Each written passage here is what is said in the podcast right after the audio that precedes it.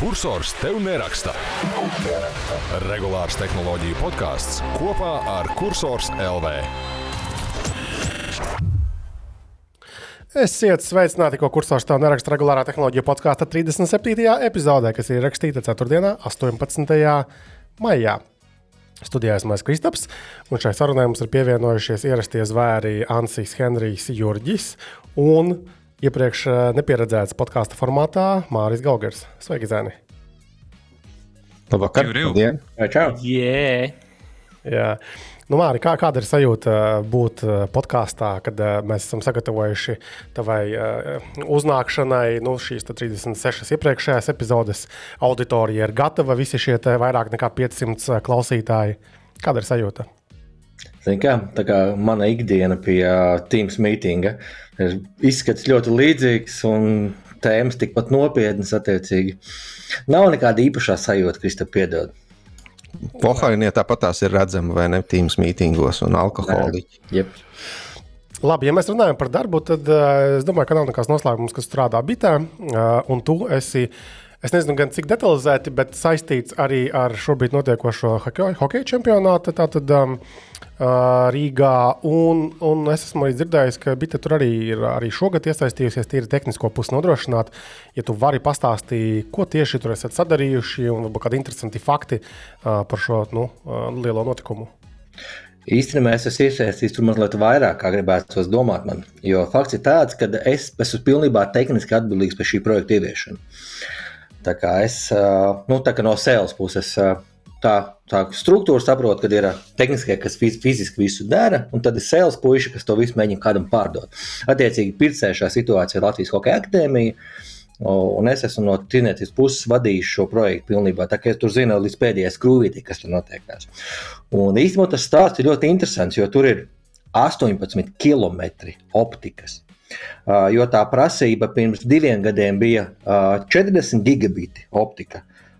Uz šo gadu ir prasība 80 gigabiti optiskais savienojums.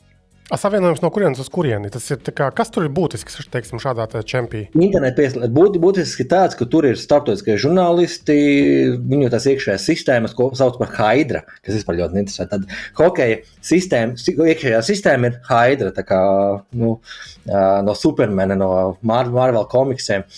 Un, uh, Viņi ir ļoti prasīgi, jo tur notiek vispārējā saziņa, rezultātu uzskaits, visa sistēma, visu hokeja vadība notiek to, to hidru. Un viņi ir ļoti, ļoti prasīgi. Un tad ir, protams, visi žurnālisti, mēdīja. Uh, kopējie interneti, televīzijas ekrāni, tas viss ir ļoti, ļoti prasīgs. Uh, ir 40 gigabitu pamatpieslēgums, plus ir obligāti vajadzīgs pilnīgs backups, 40 gigabiti no cita punkta, uh, ja kaut kas nogāžās. Uh, Uh, un mēs esam uztaisījuši arī tā, ka uh, vienlaicīgi strādā 80, attiecīgi, ja kāds pazūd, tad tikai 40 gigabiti. Nu, okay. Counter-Strike un normāli uzspēlēt, bet uh, video kaut kāda šī streama filmēšana. Ir, ir, ir, ir. Dotā brīdī tas notiek pavisam vienkārši atkarībā no konkrētā valsts operatora. Mēs padodam saucamo vēlanu. Uh, minimālā, minimālā prasība, minimālais, ko mēs noliekam, ir gigabitus vēlams. Attiecīgi, no tā brīdī, laikam mums ir 11 operatori, no, no, kas ir piesaistīti, tad mēs esam padavuši kaut kādus 11, 11 gigabitus vēlamus tīri video streamiem. Ir kaut kādi 11 gigabiti, kas aiziet audio streamam, visiem radio raidītājiem un tiešraides cilvēkiem, un tas viss pārējais ir vienkārši publiskai lietošanai. Un kas ar Wi-Fi? -iem? Wi-Fi arī pilnībā arī Wi-Fi nodrošina bite. To visu tieši tāpat kā pirms diviem gadiem mēs salikām uz arubām, respektīvi, enterprise līmeņa aparatūra. Kopā tur, ja es pareizi atceros, ir 70 iši akses punkti pa visu arēnu. Jo tur ir tikai arēnā, ģērbtuvēs, lielajā protams, zālē, blakus tajos konteineros, kur arī visas komandas tiesneši iztusējās. Tur ir izmētāts pa visu arēnas kompleksu. Uh mhm. -huh. Un tie visi dzelži, kas tur optikai, arī jāroba? Uh, dažādi. Nokia pamatā kors tīklam, un tad dažādi citādi tur ražotāji, kas nodrošina kaut kādas apakškonekcijas. Kas notiek pēc teiksim, čempionāta beigām? Jūs kaut ko savācat atpakaļ vai paliek? Lielāko daļu mēs savācam atpakaļ. Kaut kādi noteikti optiskie tīkli paliek, jo mēs to uzreiz tajos izdevumos ierakstām. Attiecīgi, mums to optiku kā tādu atpakaļ nevajag. Līdz ar to, to ko mēs varam atstāt, to mēs atstājam. Uh, Arī pagājušajā gadā mēs atstājām, līdz ar to mums bija jāpievelk tikai papildus, kaut kādi 6-7 km. kas ir tāpat izklausās ļoti daudz.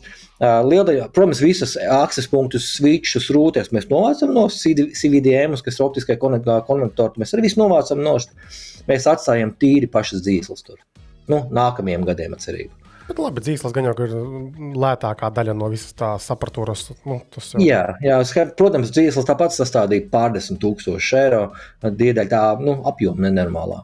Bet tādā ziņā tur, jā, no pozīciju viedokļa tas ir stipri zemākais Jā. Vienīgā skrobe, dzirdot, nu, teiksim, cik esat iespringuši, ka nav jau baigi apmeklētas tās spēles. Tur gan jau to augsto biļešu cenu dēļ, vienkārši es dzirdēju arī, nu, lasīju arī Twitterī komentārus, ka tāda, nu, ne pustukša gluži zāle, bet, nu, ka nav tik piebāzta, kā bija pirms, pirms nu, daudziem gadiem, kad, kad bija iepriekšējā reizē. Bet es jau nedomāju, ka uh, tas uh, atlases spēles ir tik ļoti apmeklētas. Pamatā jau viss iespējams uz fināliem. Un fināli jau mums nenotiks Latvijā. Tamperē vai kur viņi tur būs? Jā, jā finālā Tamperē. Attiecīgi mums ir tikai uh, priekšspēles līdz, uh, līdz playoffiem, un uh, lielai fināli ir Tamperē. Tāpēc, uh, nu, skaidrs, ka gribētos vairāk, bet uh, jāsaprot to, ka cilvēki, kas ir tie hokeja fanāti, viņi brauks tikai uz Tamperi. Viņi neceļos pa abām valstīm. Tāpēc viņi izvēlās to vienu to savu piezemēšanās punktu, kas šajā gadījumā ir Tampere. Un tad tikai vietējie fani vai kaut kādi tuvākie apmeklētāji, vai pilnīgi trakie hokeja fani, tad tie tur brauc uz abām valstīm. Tāpēc teorētiski izklausās slikti, ka tas apmeklējums ir mazs, bet tas ir saprotams. Bet, jebkurā gadījumā, Rīgā jūt turistus, gan, gan kaut kādos brančām mēs tur bijām ar, ar ģimeni sestdienā. Varēja just, ka viņi klīst un meklē, kur pāriest, gan tajās. Nu, uh, Pāris saģērbušies savā valsts krāsās, ir pietiekami daudz slovēņu redzami, bija Rīgā. Nu, ir var redzēt viņus uh, tomēr. Tā kā tā. Labi, forši. Uh, paldies, ka padalījāties. Es labi atbildēju uz jautājumu, no. kas tautai interesē. Kas notiek tam Škodām? Kas par Škodām? Nē, es redzēju, nezinu, kas tur notiek. Kāds 40 vai nezinu, cik tur iepirkt cilvēks, kā Škodas un kas viņam notiek pēc čempiona. Tāpat kā pagājušajā reizē. Tam... Precīzi, Henrij, tieši tāpat kā pagājušajā gadā. Viņas tiek tirgotas par mazliet izdevīgāku cenu. Pagājušajā gadā jau stipri tuvu fināliem tās mašīnas jau tika čatos izmētātas, liela daļa jau rezervētas. Un es domāju, ka atkal uh, interesanti noteikti izmantos tur, to pāris tūkstošu eiro atlaidi, plus valsts atbalsts 4000 eiro, plus 2000 eiro atbalsts no paša dīlera. Nu, Gaļā desmitnieki lētāk var dabūt to mašīnu, kas ir tāds jūtams cipars īstenībā.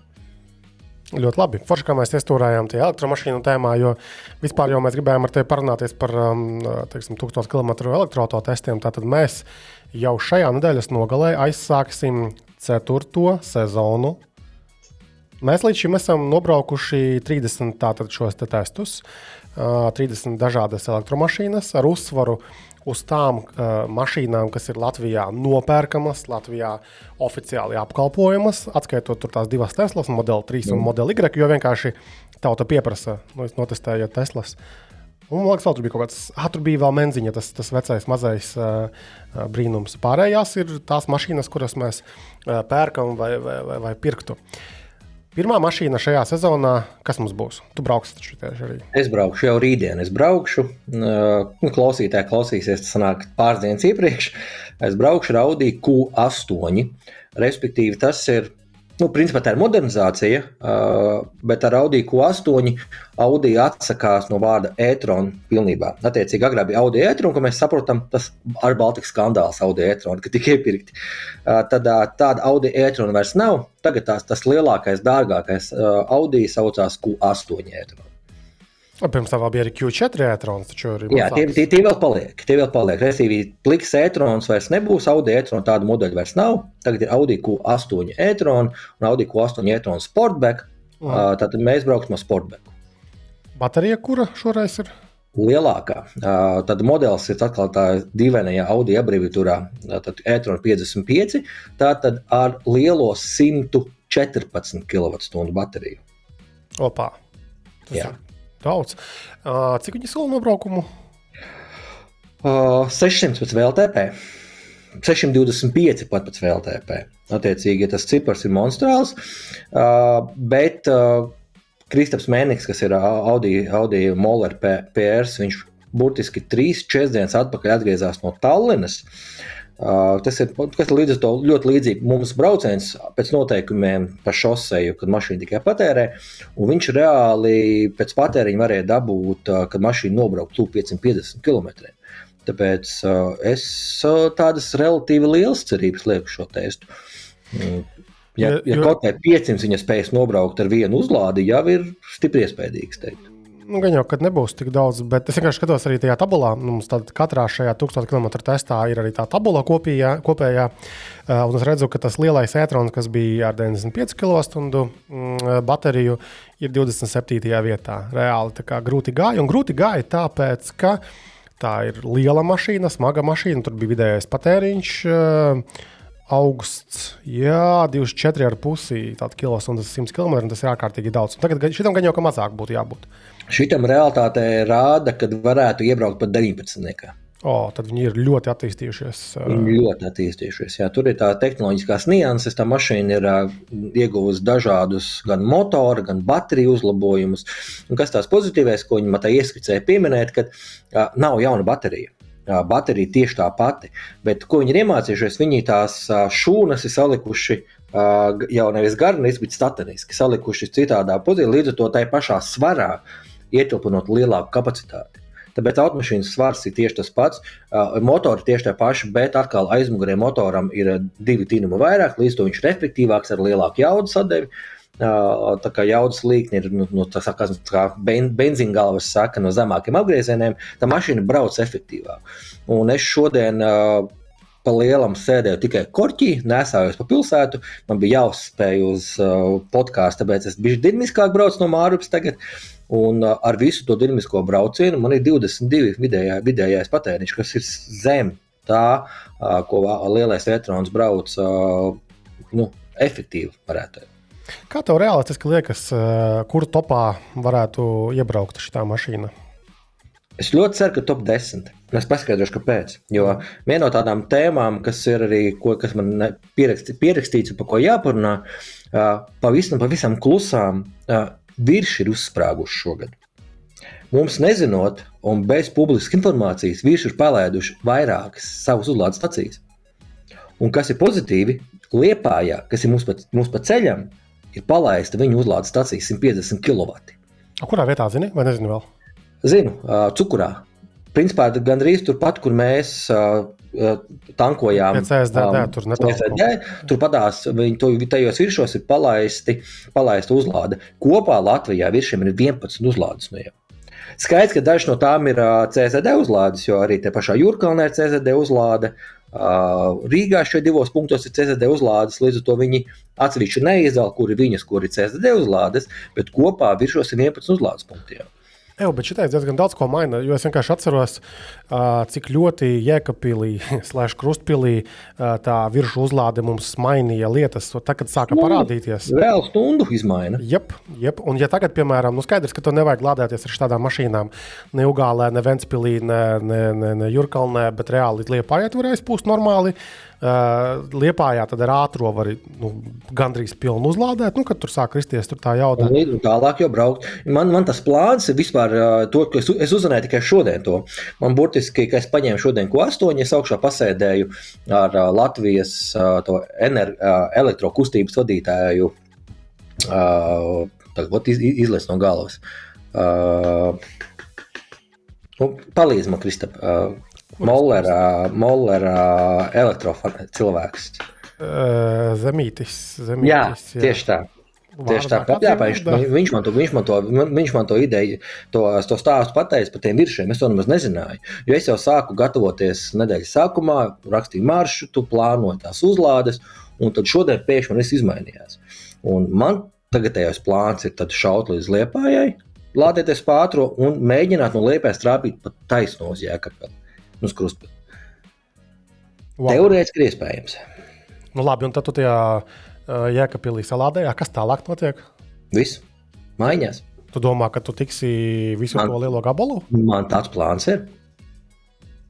Blīņš teica, var visu mainīt. Bet, it kā no vienas puses var teikt, hei, bet tad jau iepriekšējo sezonu uh, tie rezultāti nav baigi salīdzināmi ar, ar tagad rezultātiem. Bet no otras puses mēs esam centušies vienmēr šajos testos uh, parādīt to reālo situāciju. Un, piemēram, ja kāds ir rindā priekšā mums, nu, tā ir reālā situācija. Kaut kādā brīdī to mašīnu paliks krietni vairāk arī ārpus Rīgas, un uh, būs gan rindās jāpastāv vai jādomā, kur tur tālāk braukt, kas reti, bet ir gadījies. Mm. Un, un ātrās uzlādes tiešām maina vairāk nekā citas lietas. Okay. Jā, tagad jau fakts, es paskatījos, ka Borns nu jau spēja iebraukt 11 stundās to maršrutu. Nu, labi, Bet viņam, jā, bet viņam ir uh, ātrāka tā braukšana. Nevar salīdzināt. Nu, bet ne tik ļoti ātrāk, viņš jau nebrauc uz 200. Nu, salasās. Vidējais ātrums mums tomēr nav baigi augsts, uh, nu, pa Latviju braucot. Un, un tā. Labi, kas vēl par mašīnām mums ir paredzētas? Tad, es zinu, nākamais var nosaukt. Tad nākamā mums būs uh, Nissanārija. Uh, kurai bija tāds, tāds īsais um, apskats uh, no, no otrā māra uh, berga, uh, bet tūkstošniekā nebija, jo tā bija kaut kāda ziema vai, vai rudens. Nu, kaut kas bija nesezona šiem testiem. Un tad jūnija pirmajā nedēļas nogalē ar desbraukšu ar to arī. Es redzu diezgan ielās šīs mašīnas no malas. Viņa izskatās milzīga, tāda masīva tā ārija. Tas ir. Bet atcerieties, Kristap, tu brauksi ar jauno. Respektīvi, jaunāks? Bergs, Bergs testēja vienas spiedziņu. Jā. Tu brauks ar uh, for, to Jā. četru forsu, Jā, tu brauks ar, ar, brauks ar aba, ap divu motoru versiju. Tad Es gan nezinu, kāda jauda tev būs, bet tev ir vai nu 300 vai nu 400 zirgspēku versija. Šajos testos jaudēt, tur nav nekādas nozīmes. Man interesē Šeit efektivitāte. ļoti, šeit ļoti Šeit ļoti Vai pastāsti kļūdies. vēlreiz? To pagājušā gada man ir testi. Es pagājušajā gadā braucu trīs reizes. Uh, ja mēs neskaitām to krūto, dārgo kupeju e-tronu GT, kas ir nu, tā kā, Porsche Taycan, baigi forši, bet uh, nu, tas tāds mazliet uh, tāds bonusiņš, kā saka. Es braucu ar uh, ID5 GTX un Eņakai Viku PRS, respektīvi Volkswagen divu motoru mašīnas 300 zigspēkiem. Un kas bija interesanti, abas divas nobrauca efektīvāk kā nobrauc tās pašas mašīnas, mazo motoru versijās. Un es to varu paskaidrot elementāri. Tās mašīnas jau sver 2,5 tonnas un vairāk. Attiecīgi, tev ir vairāk enerģijas jāpatērē pātrinoties, ko tu ar lielo, lielo jaudu vari darīt efektīvāk. Un tā kā mums tā vidējā ātruma, tā ļurkāšanās pa pilsētām ir, tu efektīvāk atpakaļ tieši uz to ātrumu. Līdz to realitātē tās mašīnas tērē mazāk nekā mazie motori. Lai būtu dati taviem izteikumiem, es tiešām skatos tajā topā. Uh, Enjaks uh, IVQ RS ir 4. vietā, un Volkswagen CD 5 GTX ir 5. vietā. Kas ir ļoti forši, ka viņi ir blakus, tāpēc ka tās ir palielam. Nu, tā pati mašīna tikai izpildījumos, tur uh, citos. Um, jā, 300 zirgspēku abām divām. Un es uzreiz skatos, tad, kas mums ir vidējais patēriņš. Vienā gadījumā mums bija 16,7, otrā gadījumā 17,3. Tātad tad, jā, tev ir taisnība. Tās mašīnas var būt arī efektīvas. Galvenais kāja, lai nav baigi smaga. Mēs jau braucam vienādi, mēs esam mierīgi braucēji. Jā, jā. Tomēr vecums jau pieklājīgs. Kurš steidžs tev ir tavam mini personīgajam? Pagaidām pirmais vēl. Mierīgi brauc. Okay, uh, labi, tad arī nu, būs interesanti, jo es saku, cilvēkiem ir interese par to mašīnu. Tad mums bija ID bāze. Tas, uh, Jā, tas būs busiņš. jūnija beigās. Pārcēlās tur bija mums. Jā. uh, Kas vēl ir no tādām mašīnām, kas mums noteikti šajā sezonā būtu jāizbrauc, tavuprāt? Uh, it, kā, it kā jau vecs modelis, bet uh, ļoti aktuāls pieprasīts un nav bijis testēts Kupra Borns. Uh -huh. Kāpēc mums nebija pats ID3? Kāpēc mums nebija Borns Uh, pagājušajā Tā mašīna ir divgadīga, bet te pašā laikā viņa ir mazliet savādāka par ID3. Viņa ir mazliet jaudīgāka, viņa ir mazliet aerodinamiskāka. Un viņa ļoti pieprasīta, ļoti pirkta Latvijā. Es domāju, tiem, kas būs gatavi arī to mašīnu iegādāties, viņiem tas tests interesēs. Tā, tā mašīna mums ir plānā. Kia Eniro, tad tavs uh, viens no dotā brīdi līderis. Vecajā versijā Jep. uh, viņai ir modernizācija iznākusi, kas esot vēl efektīvāka. Uh, tāpēc Kia Niro ir nu, pierezervēts uz gadu, uz, uz šai, šī, šī sezonā, uz vien vasaras beigām vairāk. Uh, dotā brīdī mēs runājam ar, ar importētājiem par Subaru Solterra vai Toyota BZ4X. Tas ir atkal pilnīgi vienāds mašīnas, kur pirmo dabūsim. Toyota būs jūlijā sākumā Latvijā no importētāja pēra mašīna. Subaru Solterra ļoti līdzīga. Kā, nu, kur pirmā patrāpīsies, tad tās noteikti būs, ko mēs brauksim. Un tad mēs esam atsākuši sadarbību ar Mercedesu, no jau ar Veho. Un tur ir diezgan liels klāsts to viņu EQ mašīnu. Latvijā pārdošanā ir pieci modeļi. Nu jau, un skatīsimies, kurus no tām mēs varētu dabūt. Vienu noteikti, varbūt divas, bet to, to rādīs, jo tagad viņiem ienāca visas tās mašīnas, viņi plāno konkrēti atbildi nepateica, kad tās mašīnas varētu mēs dabūt, bet nu, sezona tikai sākās. Jā. Kas ar Fordu? Mustang Mach I. Uh, nu, ir pagājuši divi gadi, kopš mēs pēdējās pārtraucām sadarbību ar Inčkaipu, pārtraucām dēļ viņu klajās neprofesionālitātes. Ir pagājuši divi gadi, kas nav mainījies.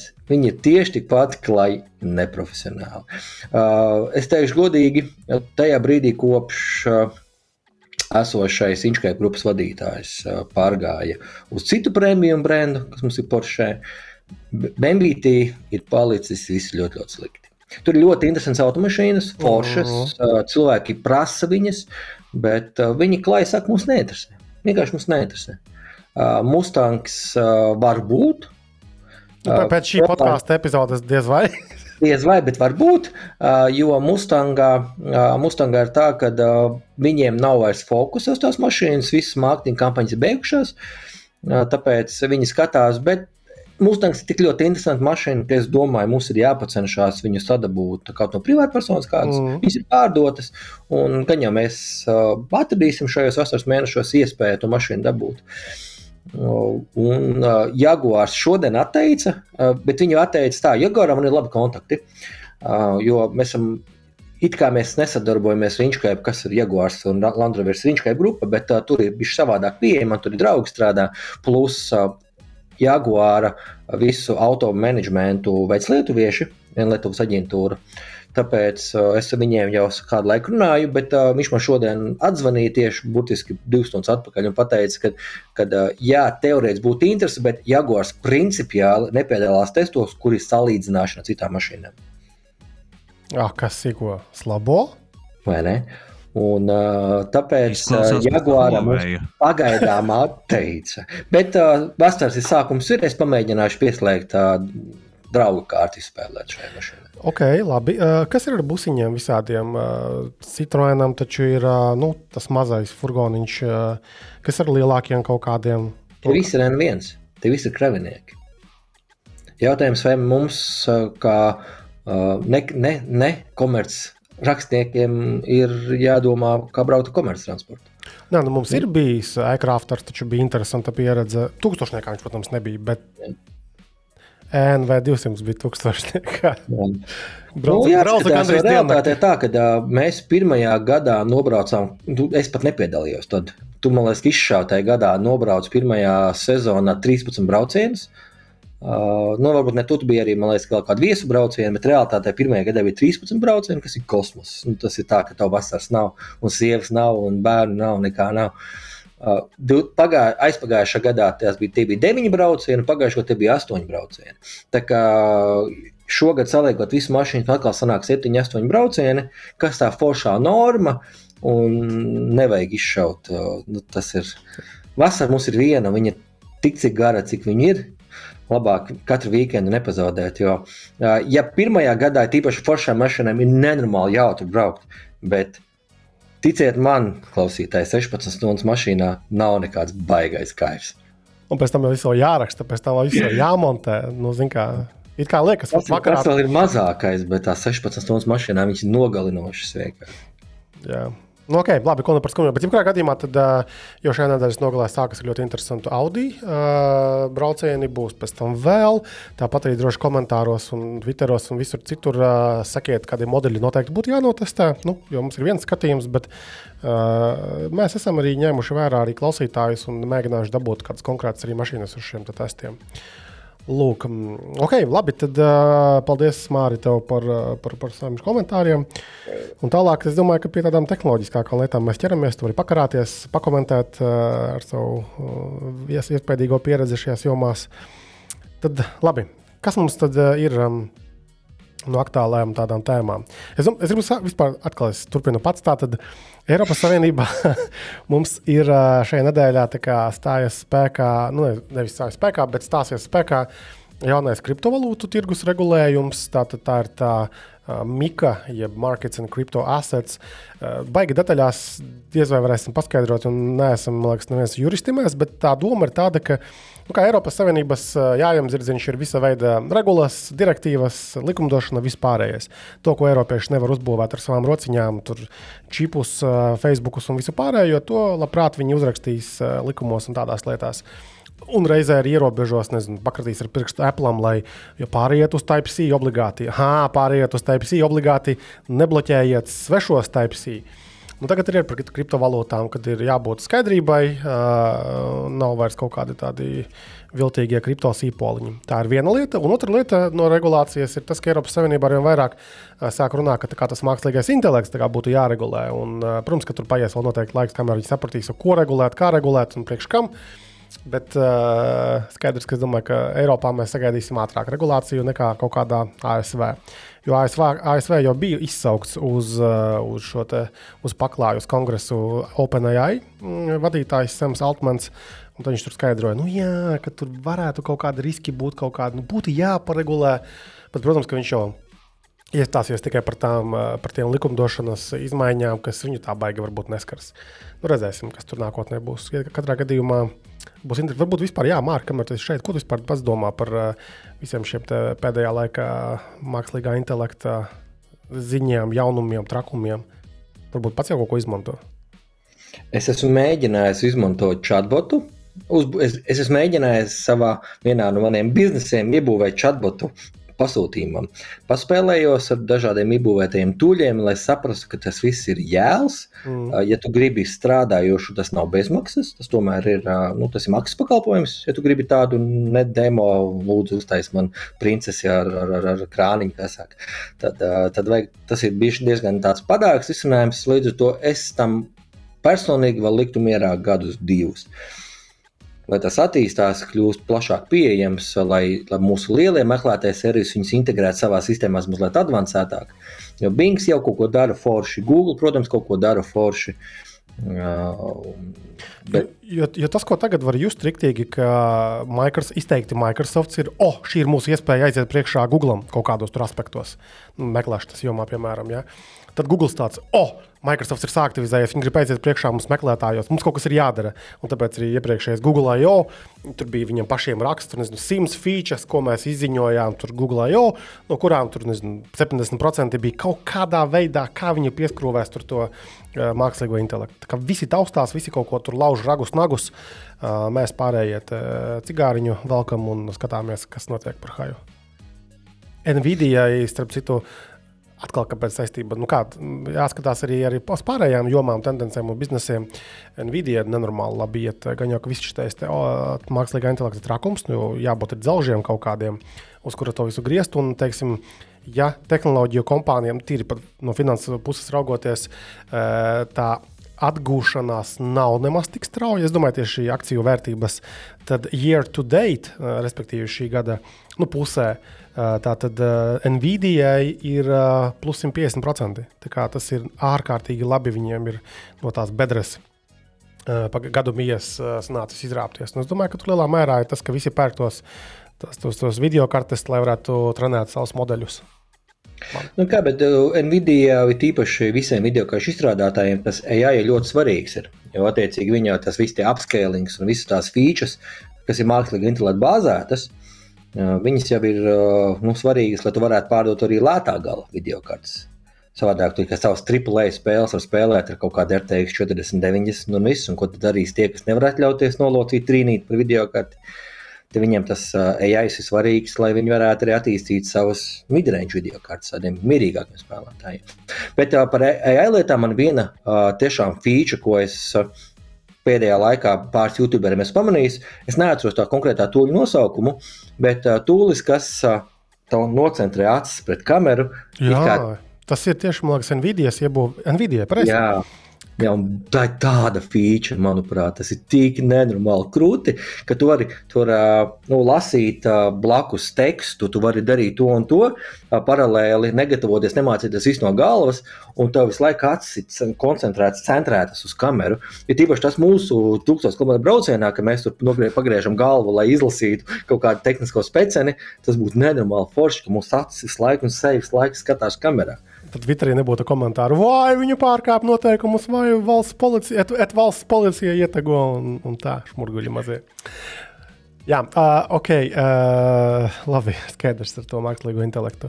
Es domāju, ka mēs esam pusstundā novārījuši, tagad mēs ar Māru varam aiztaisīties. Citu, ja var pieminēt, Mārcis pateica to viedokli. Mums bija, bija viens tas raksts, ka Activision bija labāk ieņēmumi no spēļu konsolēm, un tad tur panesās tāda diskusija, kad spēļu konsole nav tomēr īsts, aptuveni nav īsti ierīces, kā spēlēt spēles, un īstās ir tikai uz datoru, un tad tur arī gāja vaļā. Aptuveni, nu, pa lielam, visi var atļauties nopirkt to labo kompu, un spēļu konsoles principā ir sūds. Tas nekas, ka viņi maksātu sešreiz lētāk, bet viņi sūdz kopumā. Ja tas taisa naudu, pofīgi kāds sūdz. Nu, Skatos, no kāda puses skatīties. Bet jā, tur bija aktīvi komentāri tie rakstā.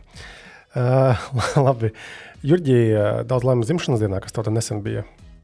Paldies! Kā tev... Dzimšanas diena nosvinēta bija pagājušajā nedēļā. Jā. Esmu nocieties, uh, no, nocieties runāt. ko tu, ko tu par tiem par Sony telefoniem? Nu, vai Sony sagādāja tev dāvanu ar, ar, ar šiem jaunumiem vai, vai ne?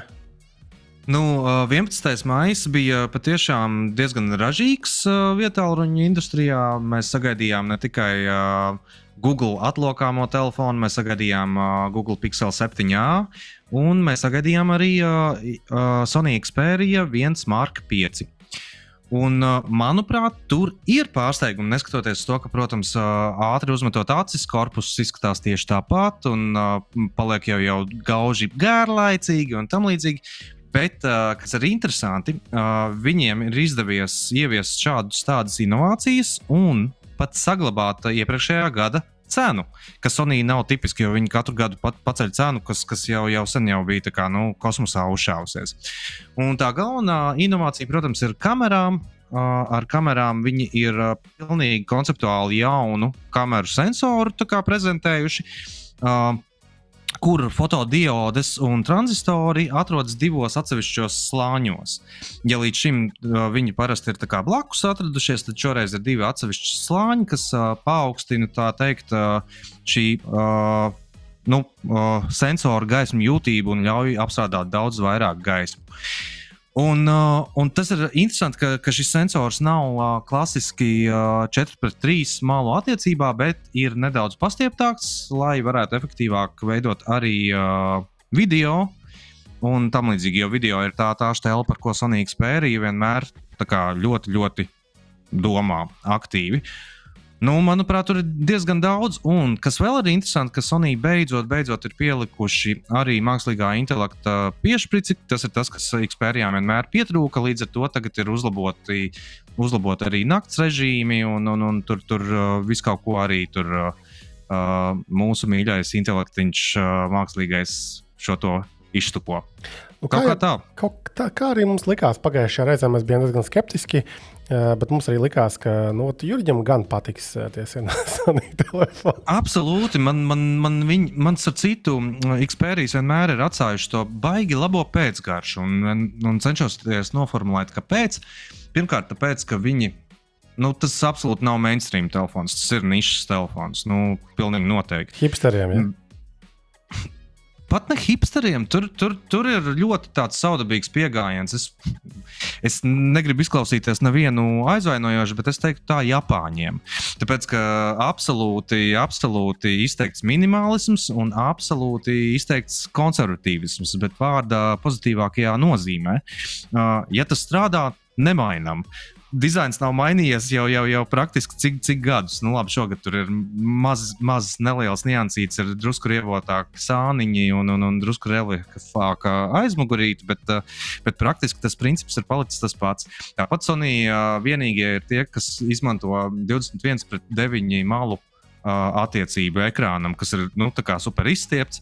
Un, jā, viņiem ir uh, lielāka pierīte un uh, lielāks zodiņš, bet tam ir uh, attaisnojums pirmkārt Ekrānam nav nekāda iegrauzījuma, izgrauzumi, piercingi, viss pārējais. Un otrkārt, tev ir pret seju vērsti divi uh, stereo skaļruņi.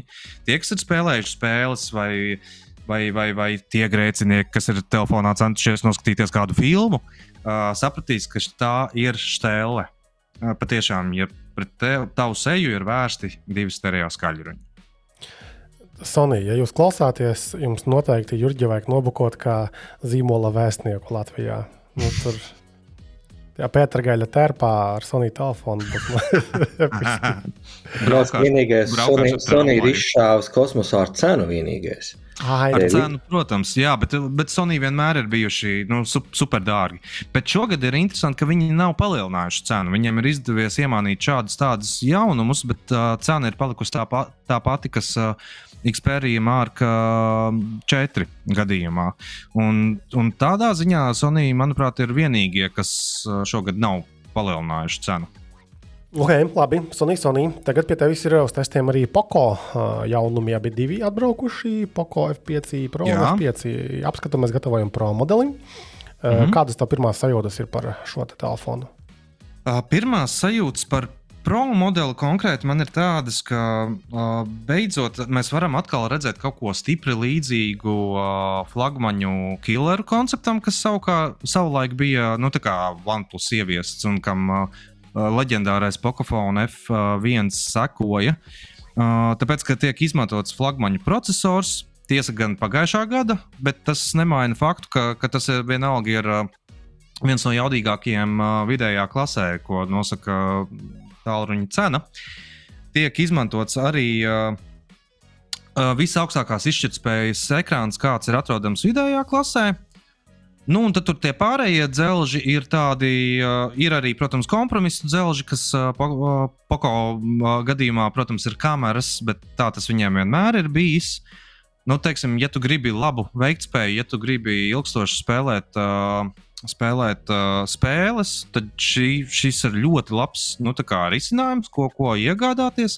Un kas vēl ir jaunums, Pako nekad nav bijis, uh, bijusi bezvadu uzlāde, un tā arī ir iespējama.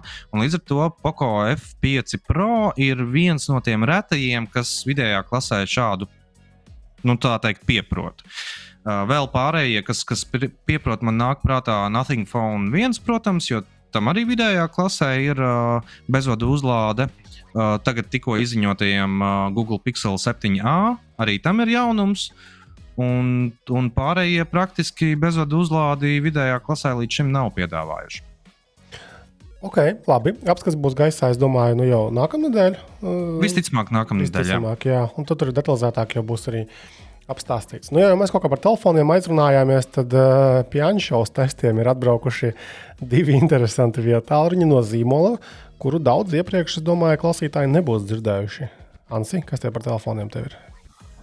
No, tu man paķēri uz izbrīnu. Jā, tā tad Infinix viens ir uh, Zero Ultra.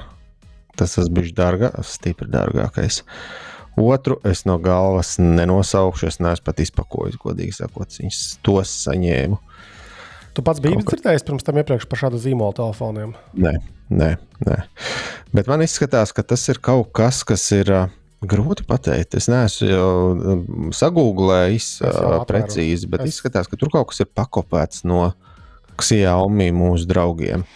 Kaut, kaut kas ir tā kā dizains, tā kā ekrāns, tā kā uh, Interneta pārlūkus ir paņemti, tur ir kaut, kaut kas ir paņemts. Bet nu, šie puiši grib ienākt, cik es saprotu, Latvijas tirgu. Tagad notiek kaut kādas sarunas, cik es runāju ar Kristapu, notiek kaut kādas sarunas par cenām, par, par servisiem, par, par visādām tādām niansītēm, kuras mēs negribam īsti zināt, bet nu, tām tomēr būtu beigās diezgan svarīga loma. Ja, uh, Nu, un šis dārgākais uh, Zero Ultra vietālrunis ir ar uh, 180 vatu vada uz lādi, ar visu klucīti līdzi.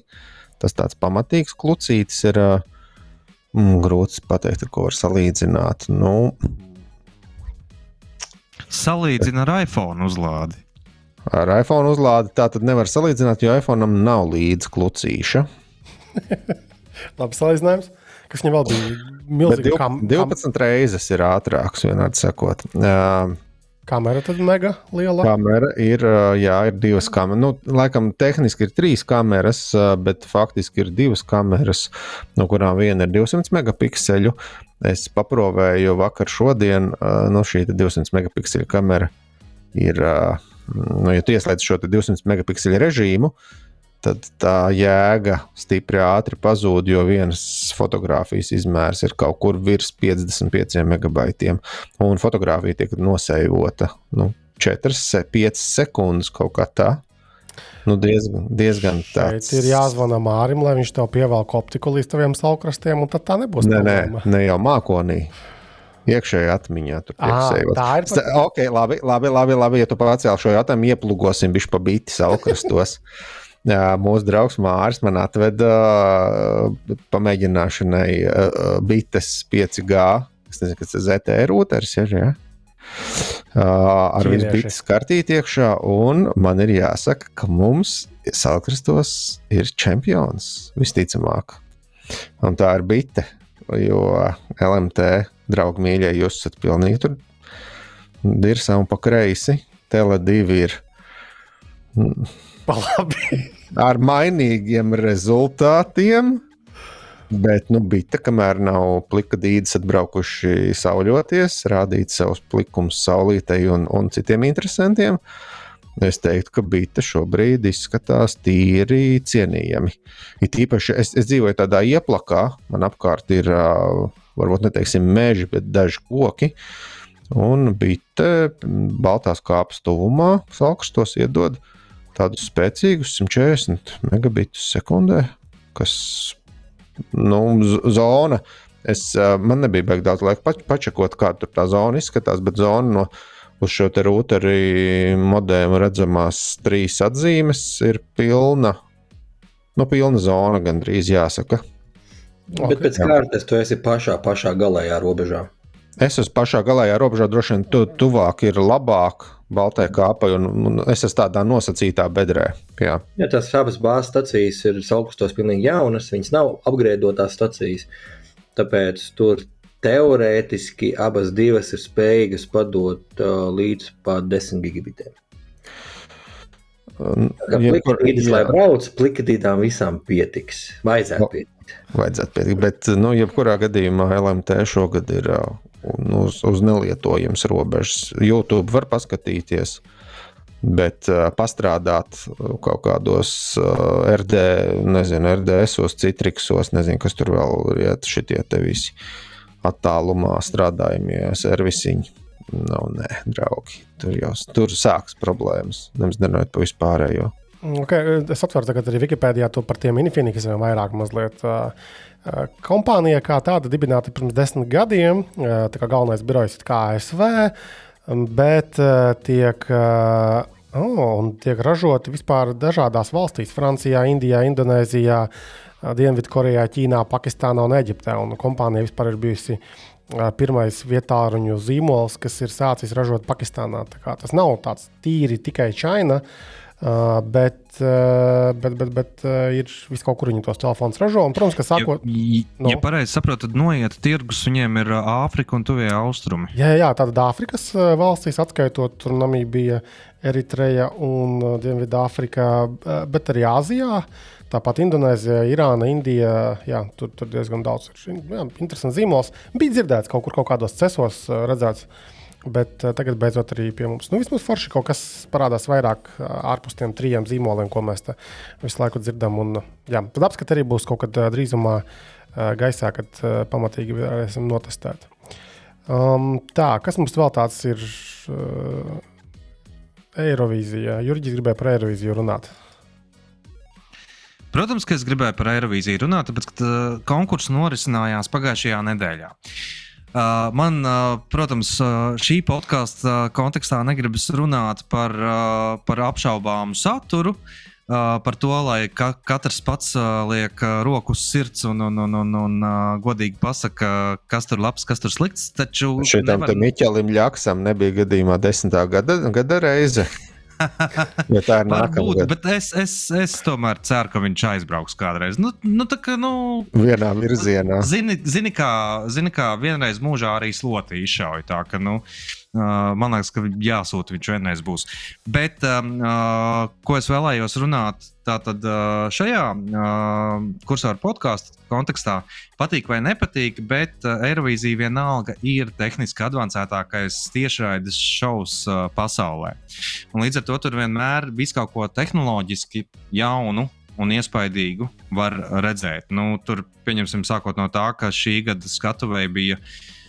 Oi, uh, baidos uh, samelot, bet, ja nemaldos, 52 uh, metru uh, plats un 12 metrus augsts uh, ekrāns. Uh, Turklāt uh, ekrāni ir attīstījušies tā, ka patiešām uh, bieži vien uz grīdas tiek izmantoti skārienu ekrāni, lai uh, sinhronizētos animācijas ar māksliniekiem. Tās tehnoloģijas patiešām ir apbrīnojamas. Sākot ar to, ka pirms entiem gadiem jau parādījās pirmās, pirmās lāzera projekcijas, hologrammas un uh, Un beidzot ar to, ka pirms diviem gadiem, ja nemaldos, Rotterdamā kon konkurss notika, tur bija viens no pirmajiem AR ekrāniem izmantot un, un, un, un tam līdzīgi. Uh, kas vēl, protams, uh, nu, viņiem nāks sinhronizēt uh, 1800 gaismekļus, kas tad iedomājieties, kādām tehnikām tur jābūt. Es pieļauju, ka Mārcis šobrīd, uh, šobrīd domā, ko, ko, ko, cik, cik biti kilometrus varētu uh, nu, pietīt klāt arēnai tajā brīdī, ja, ja izdotos to Eirovīziju tam, paš, tam pašam uh, Markusam atvest uz Latviju beidzot. Turam īkšķis uh, visi, jā, lai viņam izdodas. Tā kā turam īkšķis par, par ņematies? Viņš reāli, viņa Eirovīzijā saprastu. Īstenībā, Nu, bet, viņš ir protams. popiņš, viņš ir pievilcīgs. Nu, bet, protams, protams. Nē, es, es, es arī esmu pilnīgā nopietnībā par, par Markusu. Bet kas man vēl patika šogad, man, man ir viena pazīstama arī Eirovīzijas apskatniece. Uh, spāņu meitene, kas dzīvo uh, kādu laiku Liepājā, un viņa, ja nemaldos, tas YouTube kanāls saucās Eiro Voice vai, vai kaut kas tamlīdzīgs. Precīzi neatceros. Ka, kam ir jānotiek cilvēkam, lai, no, lai pārvāktos uz Liepāju no Portugāles vai kur tu Nu, tur ir viss kaut kas, nu, tur Spānijas. ir jābūt. uh, jābūt uh, Nu, mīlestība gan jau.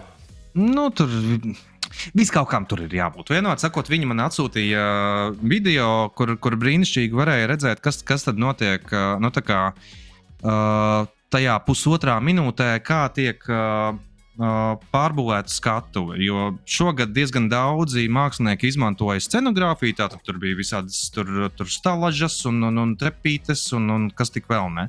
Bet, lai to izdarītu tajā pusotrā minūtē, ir uh, patīkami redzēt, cik lieti tev tas ekrāns grīdā nodara, kur ir uh, jau tev digitāli smuki parādītas uh, markas, kur, kur pieņemsim tai mašīnai, kur tu stum uz, uz, uz skatuves, kur viņai jāatrodas. Un tad, ja tu viņu uzstum un viņa nav vietā, tad tās, uh, tās digitālās markas tev norāda, uh, cik centimetriem pa labi vai pa kreisi tev viņi jānovieto precīzi, lai tur uh, tā sinhronizācija ar kamerām, gaismām un vispārējo notiktu. Un man liekas, tas ir. Uh, nu, ta, tas, protams, nenotiek pirmo reizi, bet uh, man to bija ļoti, ļoti interesanti redzēt. Tīri no tāda produkcijas viedokļa. Man likās super, super uh, forši. Tas video ir publisks. Es uh, mēģināšu viņu atrast. Uh, viņam vajadzētu būt pieejamam. Jā. Jo, ja tas video var būt publiski izplatāms, tad mēs ieliksim klāt uh, kursorā pie šīs epizodes mm -hmm. aprakstā, lai cilvēki var arī paskatīties. Ja. Bet beigu galā man liekas, ka tomēr uzvar tas, ka tur uh, kāda mums tur Natālija Naumova vai kā viņa tur saucās. Ja, tā, uh, jā, un Marija Nauma. Marija. Es, atvainojos, es esmu šausmīgs. Uh, neskatītājs, bet tomēr tu vari likt desmitiem gadu, tu vari likt tur savus digitālos ekrānus, bet viens tur kaut kāds titīs lips vai, vai plikāka ciskiņa, un, un tur viss notiekās. Tu vari tos savus ekrānus sarulēt un uh, vest projām. Bet skaties, Ants, šī gada uzvarētāja nebija Titīs Lips un nebija nekāds vaiprātīgs šausmas. Viņa vienkārši gulēja zem ekrāna un Bet dziedāja. viņai ekrāns nāca virsū. Jā, jā, ekrāns jau nāca virsū. Bet, ja mēs teiksim, paskatāmies par to, ja Latvija kādreiz būs, uh, atkal kādreiz būs Eirovīzija, tad uh, cik ātri Google saka, tad uh, ap 11 miljoniem skatītāju online. Ir Eirovīzijai, bet hokejs, hokejai ir 1,6 miljardu skatītāju. Tā kā es domāju, Citiem vārdiem sakot, Bita būs gatava arī nokavarot Eirovīziju. Nu, nav tāds baigs pasākums. Spēsim, jā.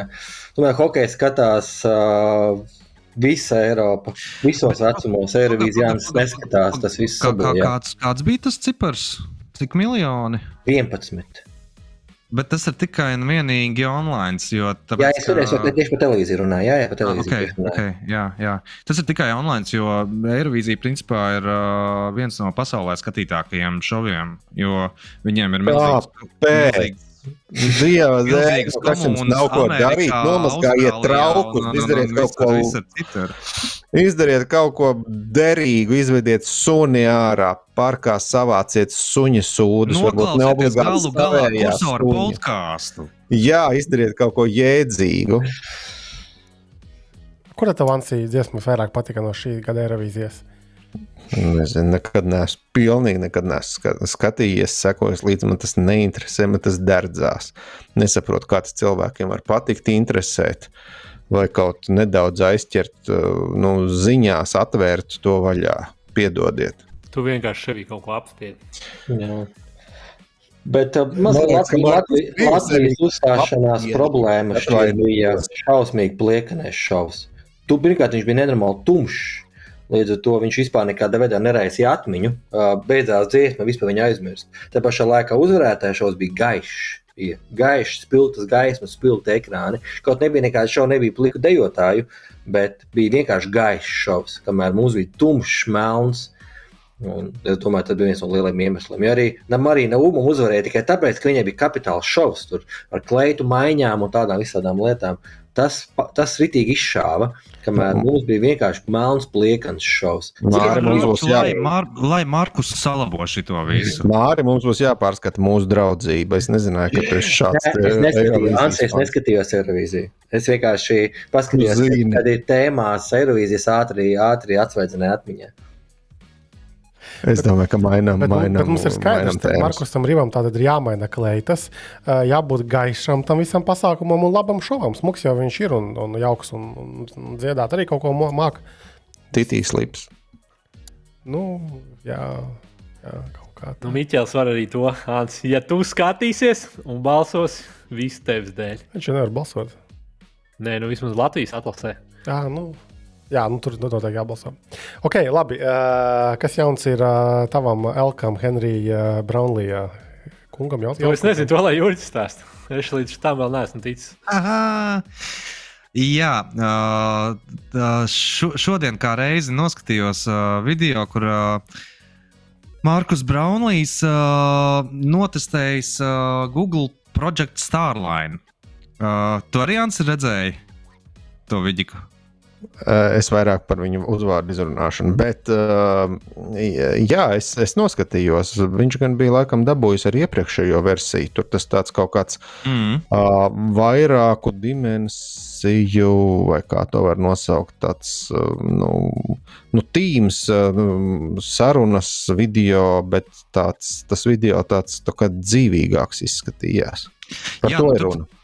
Tur, tur tā doma tāda, ka Google ir uztaisījusi tādu nu, tā monitoru, kuram apkārt ir vairākas kameras, kuras tev uztaisa tavu 3D bildīti. Un uh, monitoram aizmugurē ir, uh, pieņemsim, uh, kaut kādi spīdekļi, uh, kaut kādi ledi, uh, kas izstaro gaismu, lai, lai, lai, lai tur ēnas arī kaut kādā veidā pašai sienai pielāgotos un radītu to, to ilūziju, ka patiešām šis cilvēks ir, ir, ir klātienē. Nu, tā teikt, radīt mākslīgu 3D efektu. Uh, nu, šis, protams, nav, nav pirmais mēģinājums kaut ko līdzīgu radīt, un, un, un tam līdzīgi, un arī vēl aizvien viņš ir, protams, super dārga prototypa nu, līmenī. Uh, Bet uh, kā, kā Markus tur uh, ņēmās par to, ka, uh, ka patiešām tā, tā realitātes sajūta ir super, super nu, interesanta, ka viņa runātājs pretī bija paņēmis rokā ābolu, un viņam likās, ka viņš pastiepsies to monitoru un to ābolu patiešām arī varēs paņemt. Nu, ka, ka, ka tā smadzenes tiek tieši tik ļoti nu, apmānīta. Un, protams, ka, protams, ka lai, lai, lai padižotos, protams, ko Markus izdarīja, paņēma rokās uh, savu dižo kēdu parādīju visiem kārtējo reizi. Bet, uh, Bet uh, tā tehnoloģija ir interesanta ar to, ka, uh, ka pieņemsim, ja tā tiktu integrēta tajā pašā metaversā, tad, tad mums nebūtu vienā brīdī jāskatās patiešām uz animētiem dīvainiem avatāriem, bet nu, tu varētu patiešām, patiešām redzēt Kristapu, Ansi, Henriju un, un Māriju kaut kādā uh, stipri dīvainā vidē un, un tam līdzīgi. Un, jā, Ansim ir taisnība, ja pirms tam iepriekšējais prototyps bija istabas izmērā, tad tagad viņš jau ir reducēts līdz monitoram ar ribambasiem apkārt izmēram. Tad, nu, tādām nu, jā, tumbiņām mazām. Apkārt, jā, nu, nu, nu tad tagad jā, jāgaida, ka tā tehnoloģija kļūs vēl, vēl mazāka, vēl, vēl efektīvāka un nu, kaut kā tā. Es gan ļoti, ļoti ceru, ka mēs līdz tam nenonāksim. Jo tā filma, kolosāla filma gatavs spēlē, vai angļuiski Ready Player One, laikam tā viņa saucās. Kolosāla filma, bet es tiešām ceru, ka mēs līdz tam nenonāksim. Nu, mēs ne, bet tā jau nonāks. Mēs, mēs atmetīsim pedāļus ātrāk. Bet uh, MKBHD vēl arī bija foršs video. Es, es visu nenoskatījos, vēl, bet kur viņš testēja tos Dysona tās uh, austiņas ar to, uh, ar, ar to gaisa tīrītāju uzpūtni. Es noskatījos, jā, nu, uh, visstrakākais šķietais stāstā bija, ka viņš piesaistīja savu draugu, kas ir ārsts pašā beigās, mm. kas uh, nu, viņas nolika tās ausiņas tā kā zemāk par zemi. Tad nepērciet, ja? Nē, pirmkārt, vaiprātīgi čipari. Bet tas nav tas pats kaut kāds cepters vai kaut kas tāds, tas Dysons. Nu, būsim godīgi pret sevi. Labi, var neatbildēt. Kā, domā, kā, tu domā, kā zīmols vai, vai kas? Nē, nevis kā, nu, nevis kā pārdošanas instruments, bet uh, jā, nu, ka tu tomēr biji šī tā kā sešreiz pārmaksā par, uh, par kaut ko nu... ēterisku, kas patiesībā tev nav vajadzīgs. Un, un, un... Bet tu sešreiz pārmaksā par iPhone. Pasties, es, es nē, no nu, mums Henry, pārmaksā Henrijs. tikai Henrijs un Māris. Māra darbs droši vien.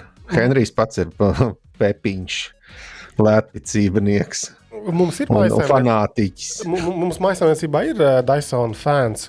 Un, nu, ir krūts. Es esmu skatījies arī video par kaut kādiem putekļu sūcējiem. Dyson. Nē, esmu gan saņēmis nopirkt, nevienu viņi tiešām maksā vajag daudz.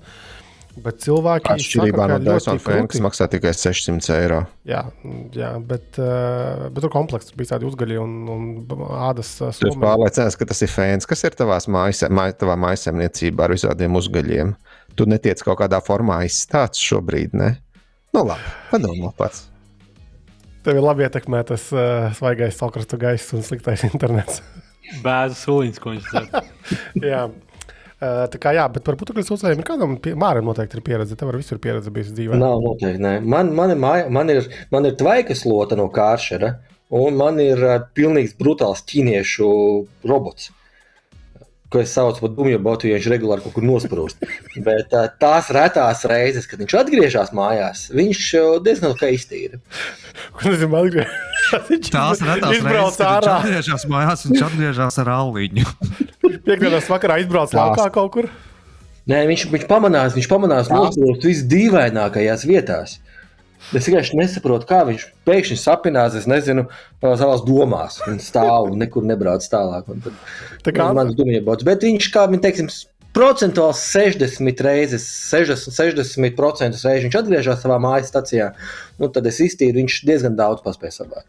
Tas tā kā Ansim bija tas robotam, kurš pats sapinās savā lupatiņā stīrīšanas. Nē, nē, tur bija sliktāk. Tīrīšanas lupatiņa bija atstāta šajā dokstacijā, kaut kā izkritusi. Un pēc desmit minūtēm sap, tas, tas saprata, ka ir tomēr lupatiņa pazudusi un viņa, tas ir iepinies savā lupatiņā. Nu, tur gadās. Vai tas nebija tāds mājās saimnieks? Es negribu tīrīt šodien mazgā grīdas pats, es varbūt izsūkšu. Es nezinu. Es, es nenodarbojos ar nekādu psihoanalīzi.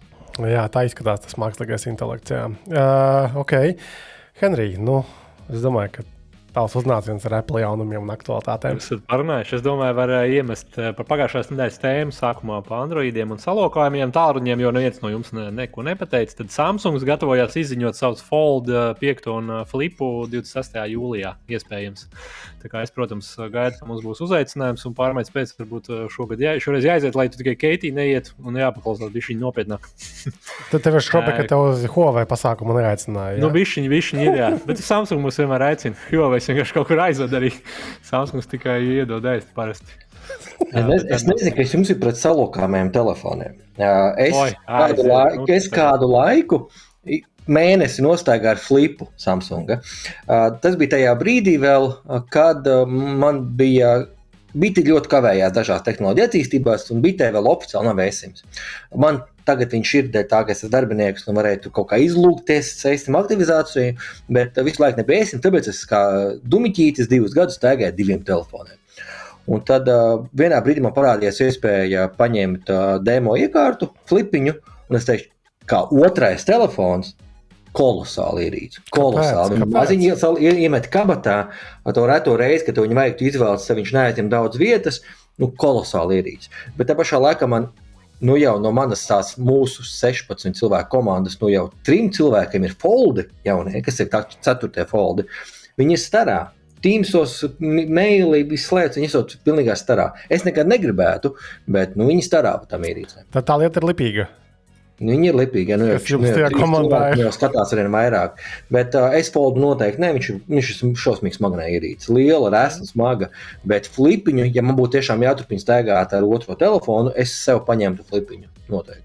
Nu, redz, cik interesanti. Nu, redz, paldies, Mārtiņ. Tev tas reālāks no ikdienas, bet, nu, acīm redzot, ir atraduši. Jā, un tad pa lielam uh, var gaidīt jaunos. Es domāju, kas man likās interesantākais, tad flipam mazajam būs krietni lielāks priekšējais ekrāns, kas noteikti jau uzreiz viņu padarīs tādu interesantāku, jo šobrīd viņš baigi maziņš tur. Neko jau tu tur baigi nevar izdarīt, redzēt. Bet, nu, lielos vilcienos jau nekas nemainīsies, būs jauna specifikācija.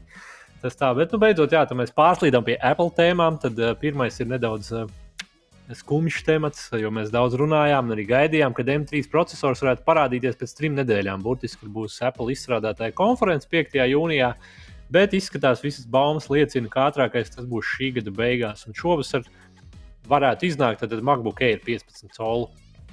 Tas varētu būt vienīgais tehnoloģiskais jaunums. Bet nu, viņš tāpat būs MacBook Air, jā, un tad būs aprīkots ar M2 procesoru. Tā kā tur neko negai, nevar sagaidīt īpaši.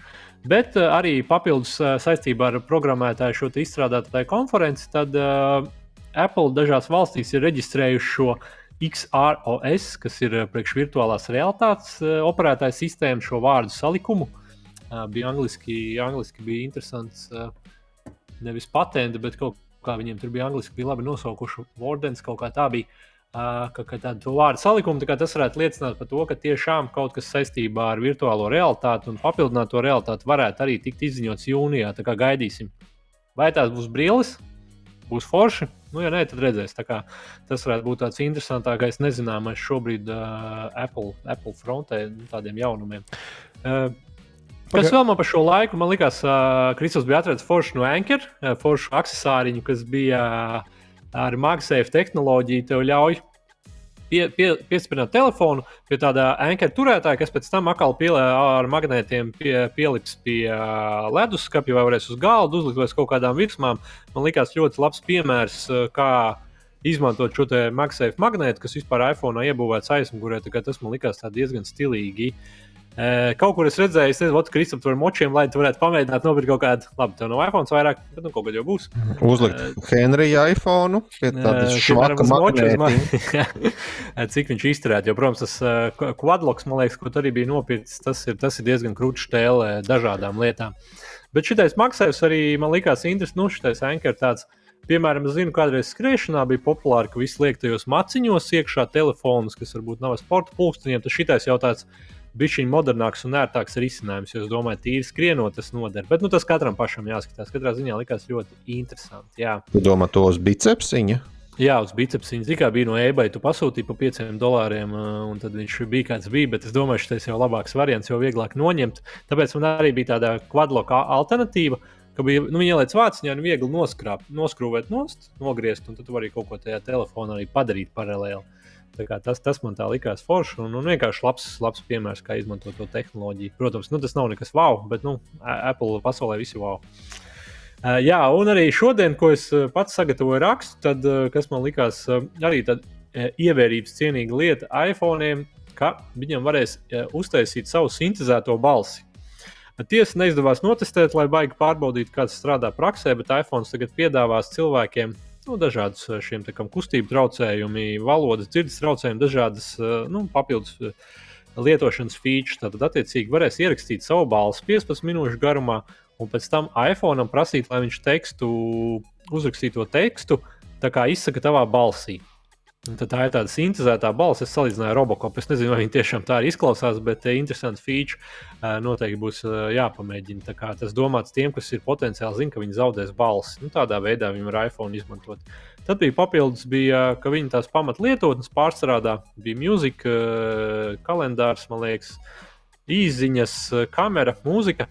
Ka viņi uztaisīja tādas ļoti lielas ikonas. Principā, kad uz iPhone ekrāna ir tikai piecas lielas ikonas, tad tas, piemēram, tie, kam vajadzīgāk ir, tiem, tad, lai nav nekāda lieka izskaicinājuma, tad viegli pārvaldīt uh, iPhone. Tā kā viņi to iOS tieši operētāja sistēmu, tad viņi pie tā bija likuši uzsvaru.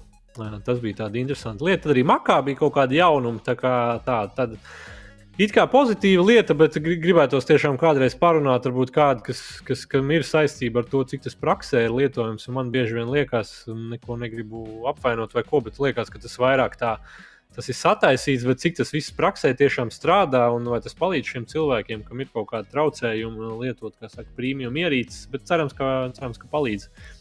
Un, un nu, tu vari praks, praksē paskatīties. Aiziet acis, piemēram.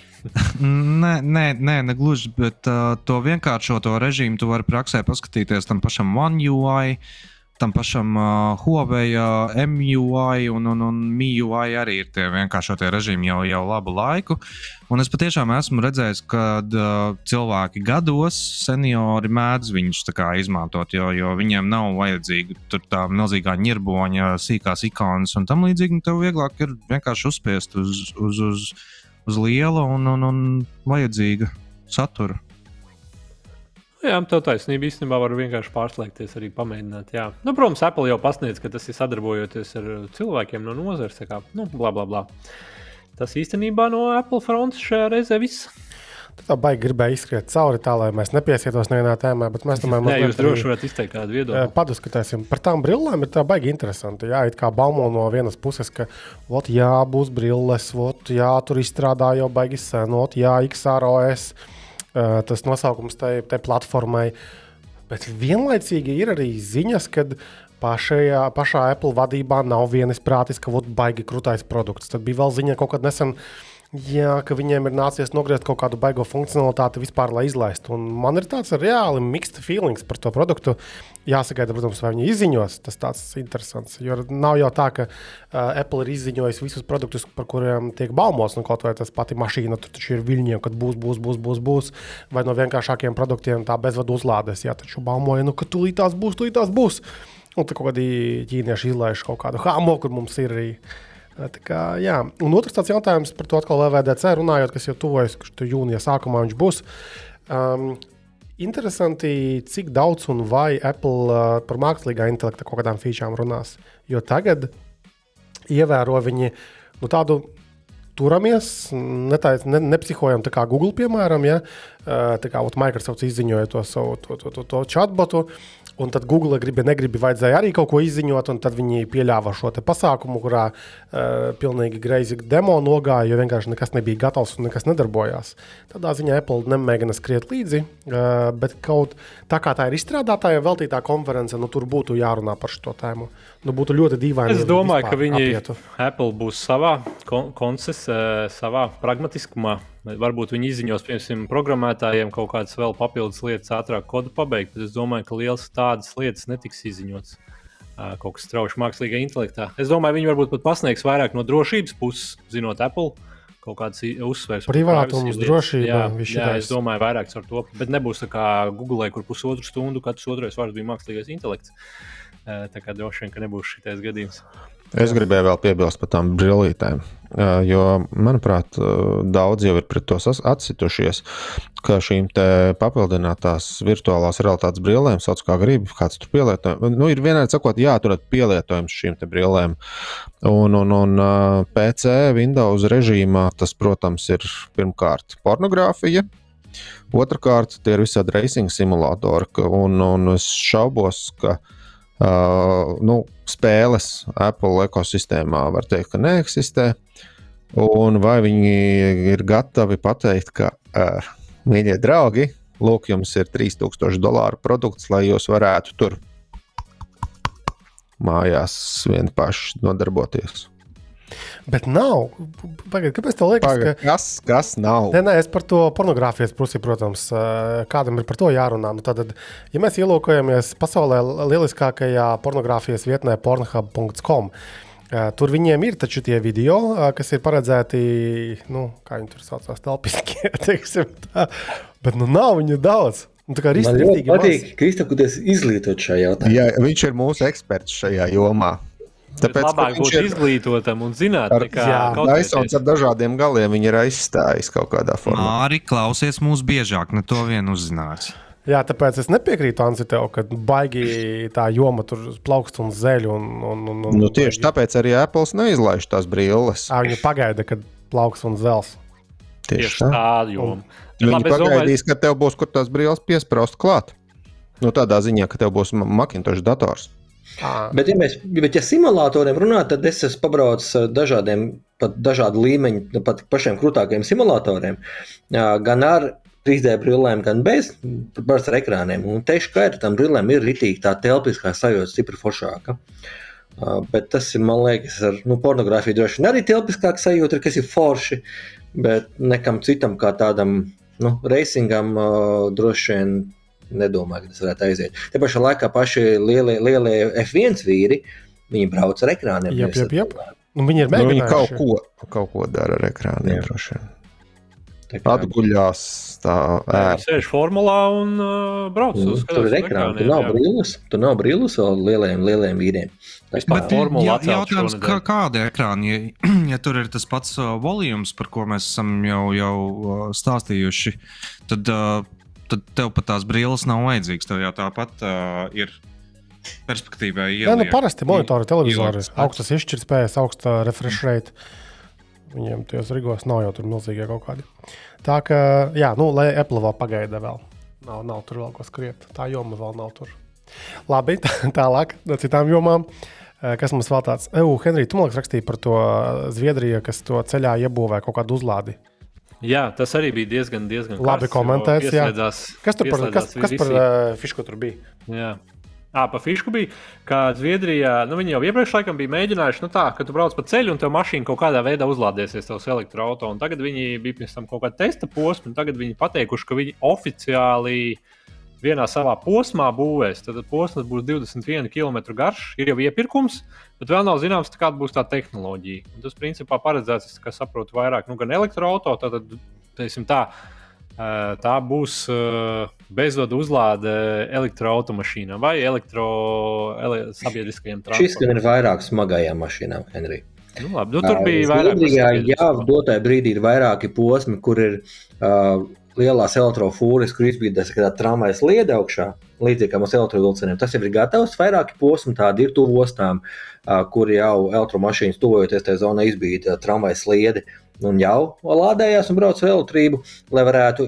Tas paredzēts tam, ja ir ļoti ilgi stāvēšana, gadās muitās. Kā tas saucās? Pantogrāfs. Pantogrāfs. Jā, tad tas ir tā, ja ir ilga stāvēšana muitās, tad lai tas mašīnas būtu salādētas.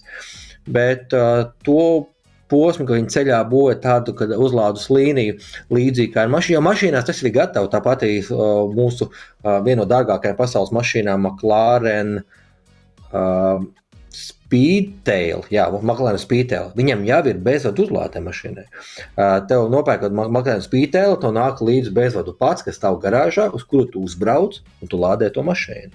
Tā kā tā tehnoloģija, ka tā ir. Jā, McLaren ir tāda tautas mašīna.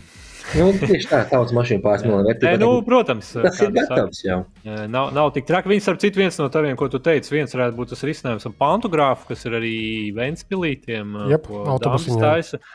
Nav, nav dambis, vai ir dambis tur. tur Katru es, viņa dēls, man liekas, ir jau pārņēmis to visu. Tā kā jebkurā gadījumā tas ir tam uzņēmumam, ar ko viņš tur jau aizmirsis. Pagaidiet, Dambija pārbūvēja kaut kādus sprinterus no sākuma.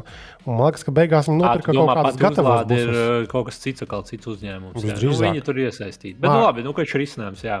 Tas, ko Mārs teica, tad viens būtu kad ir vienkārši kaut kāda elektrība nāk uh, no, no, no ceļa, un viņi saņem kaut kādu speciālu savācējs mašīnā, vai trešais bija ar to indukcijas spoli.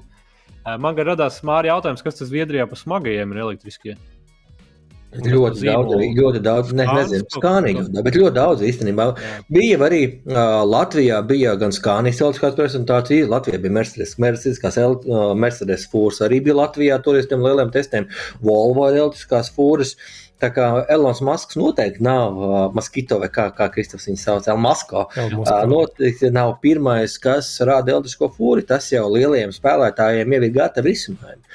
Elmasko vēl mums viņu nav palaidis īsti. Bet, protams, Elmasko būs pati labākā fūra. Nu, tā kā tur, tur nav. Ir jau. Jau, jau labāk. Pat nav vēl, bet, bet ir jau.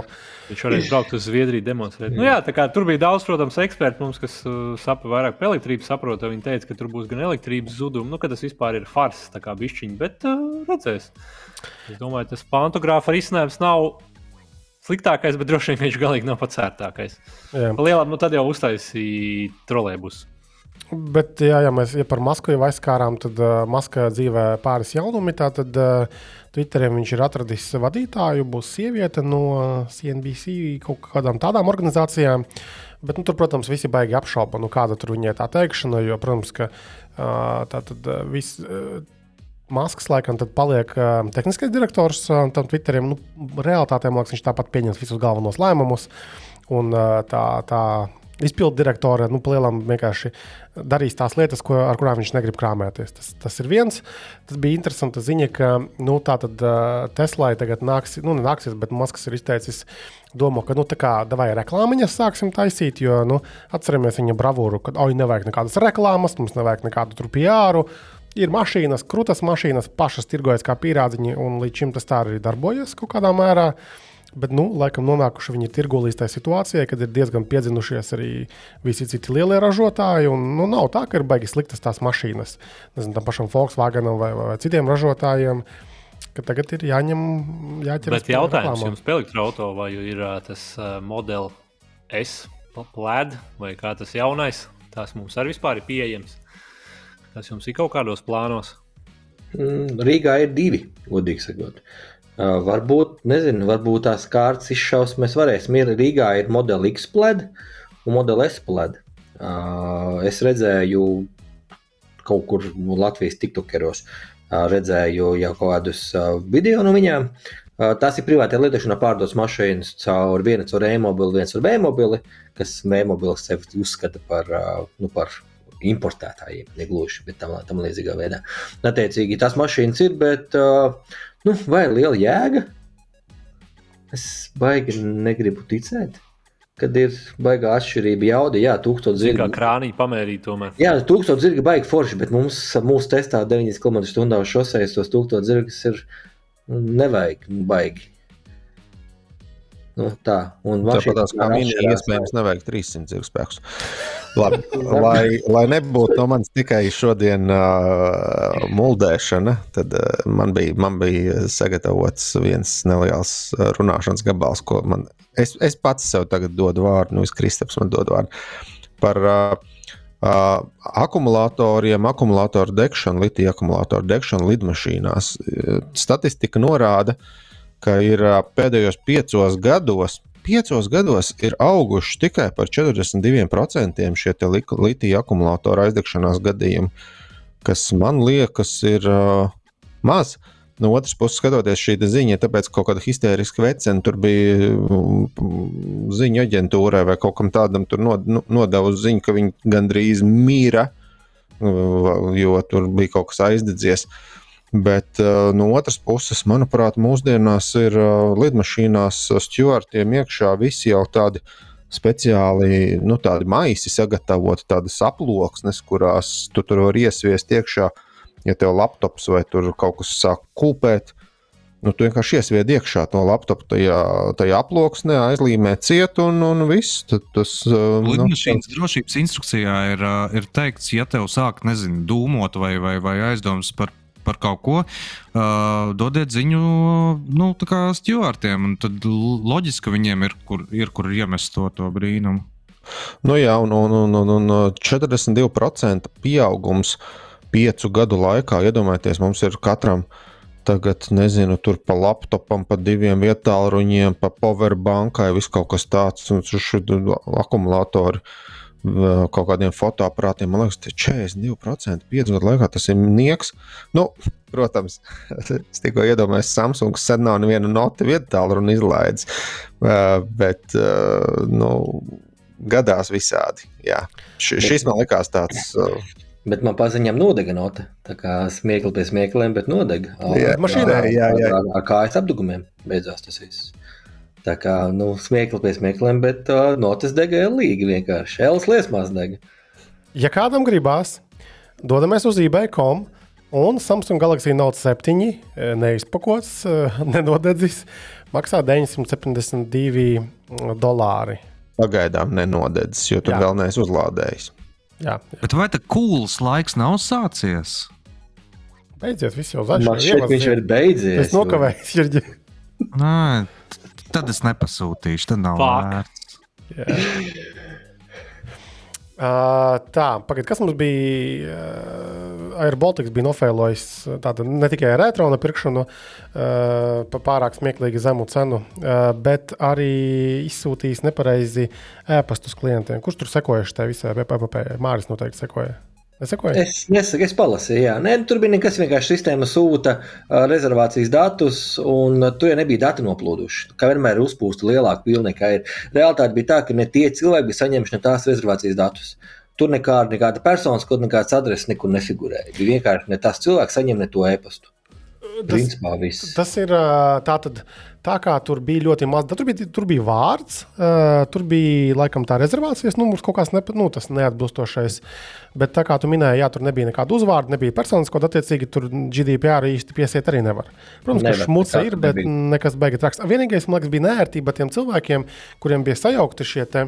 ā, Rezervācijas, ka viņiem, teiksim, iečakošanās vairs online nebija iespējama, ka viņiem gribi, negribi, bija jādodas uz lidostu, uh, un tur dzīvē jā, tas viss jāveic. Tā kā nu, tāds nērtību radošs fails, kas varbūt nav tik kritisks. Bet par failiem runājot, nu, ne failiem vai nezinu, glukiem, šodien saņēmu arī ēpastu no Ideal. Cienījamais Ideal Latvijas interneta veikala klienta. Vēlamies jūs informēt, ka 15. maijā, tātad pavisam nesen, tika veikts kiberuzbrukums Ideal grupa mājaslapai.